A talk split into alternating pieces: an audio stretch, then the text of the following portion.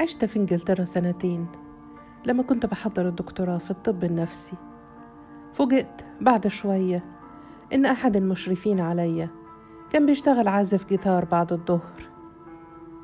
طبعا وقتها ما شاء الله متحلي بالعقلية المجتمعية الشرقية العظيمة والراجل نزل من نظري واكتئبت وبقيت ببصله من فوق لتحت وكانت حالتي حالة. فكرة إن حد يشوف إنه مش بيحب شغله وإنه اتفرض عليه دي أصلا فكرة محتاجة قدر كبير جدا من الشجاعة والتحمل والإقدام وساعات التهور خاصة في مجتمع زي مجتمعنا. لكنها تكاد تكون حاجة عادية جدا في مجتمعات تانية زي أوروبا وأمريكا والدول المتقدمة. المهم نجيب الموضوع من الأول. هو إحنا بنشتغل ليه؟ وده مش سؤال عام. المقصود هنا هو إحنا في مجتمعنا بنختار شغلنا على أساس إيه؟ خد عندك يا سيدي. جزء لا بأس مننا بيختار شغله بناء على الوجاهة الاجتماعية اللي كانت لفترة كبيرة من الزمن ولا زالت في بعض الشرائح بتتوجه ناحية الطب والهندسة والصيدلة وما يشبههم. جزء تاني بيختار بناء على مدى القوة والتأثير الاجتماعي للوظيفة أو المنصب. إلى جانب الوجاهة برضه. وهنا هتلاقي وظائف زي القضاء والشرطة والجيش وغيرهم. وجزء تالت بيختار بناء على مدى مناسبة الشغل لبعض الظروف المكانية. قربه من البيت أو الأسرة أو النوعية زي وظائف مناسبة أكتر للبنات مثلا أو العائلية. الإكمال في نفس نفس مهنة الأب أو الأم وهكذا. وجزء رابع وخامس وسادس وعاشر بيختار الشغل اللي ملقاش غيره. وهنا بيجي السؤال الصعب. وإحنا أصلا بنختار شغلنا؟ والإجابة للأسف وبالفم المليان لا.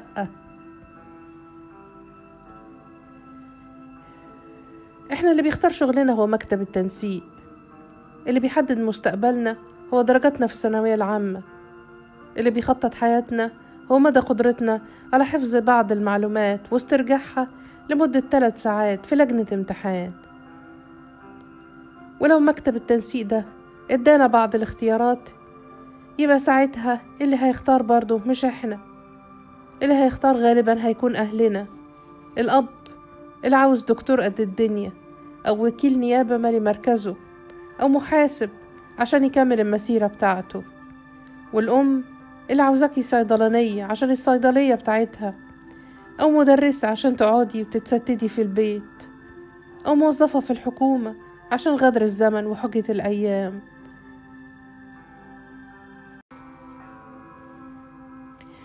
واللي مش بيدخل في دوامة مكتب التنسيق بيشتغل اللي ربنا بيسهل بيه.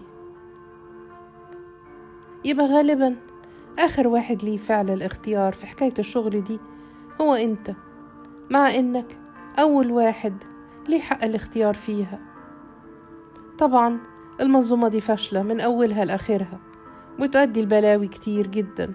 أولها حالة السعار الرهيب للوصول إلى أعلى نقطة في جبل التنسيق عشان يبقى قدامك كل الأبواب مفتوحة. السعار ده بيصيب الأهالي بالعته والجنون والدخول في سباق محموم نحو اللا شيء وبيصيب أبنائهم بالاكتئاب والتوتر والفصام وكل الأمراض النفسية المكتوبة في الكتب. ملامح الشعار ده أولها حمى الدروس الخصوصية وآخرها فوضى الغش والتزوير والوسايط والرشاوي. وبينهم مدارس خاوية على عروشها. ثانيها اتفضل يا سيدي نجحت جبت مجموع دخلت الكلية اتخرجت اشتغلت. حب بقى شغلك وانجح فيه وابدع. إزاي؟ إزاي بقى والنبي؟ عندك واحد اشتغل مدرس وكان نفسه يشتغل دكتور بس قدراته على الحفظ ما ساعدتوش. يبخ الكلام اللي حفظه كله في ورقة إجابة وعندك واحد اشتغل دكتور بس كان حلم حياته يطلع رسام لأنه بيحب الرسم. بس جاب مجموع عالي وأهله استخسروه وأقنعوه يدخل طب. عندك واحدة اشتغلت صيدلانية عشان تكمل في صيدلية أبوها رغم إنها كانت حابة تشتغل في مجال السياحة. وعندك مهندس كان عايز يبقى ظابط ومحاسب كان حابب يبقى محامي ومحامي كان بيحلم يبقى وكيل نيابة وصحفي كان نفسه يبقى مذيع وغيرهم وغيرهم. كلمني بقى على التقدم العلمي والانفتاح البحثي واختراق القرن الواحد وعشرين. بالنسبة لي بقى كل ده مش مشكلة أو بكلمات أدق. مش مشكلة كبيرة. المصيبة الكبيرة بالنسبة لي هي إنك غالبا هتلبس في الشغلانة دي طول عمرك واحتمال تصدق إنك بتحبها رغم إنك مش بت مش بتحبها وهي مش بتعبر عنك.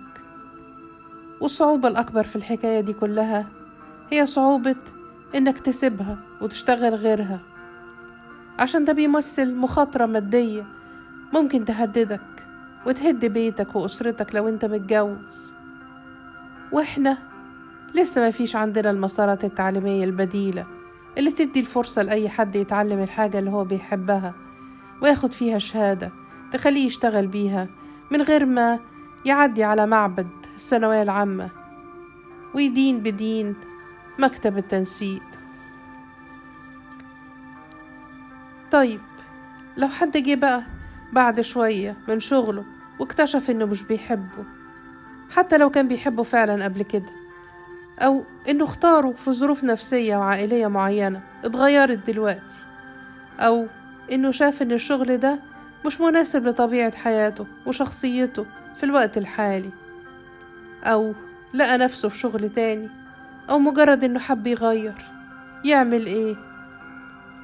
والله العظيم ما أعرف. لكن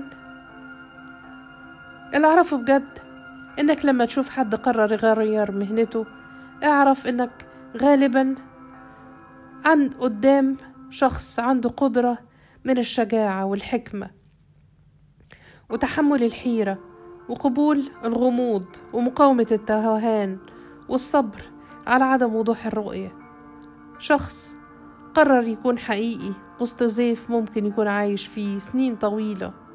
شخص مستعد يتحمل ألم الانسلاخ من جلده القديم عشان يخرج منه بني آدم جديد تماما.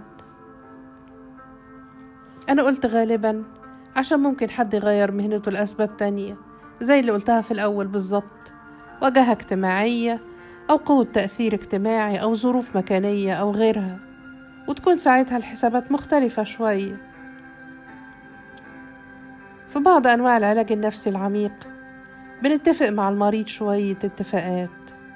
منها إن في احتمال أثناء أو بعد العلاج إنه يكتشف إن كل الاختيارات اللي اختارها في حياته شغله زواجه مكان معيشته وطبيعة علاقاته كانت اختيارات مبنية على أساس هشة غير صحيحة نفسيا.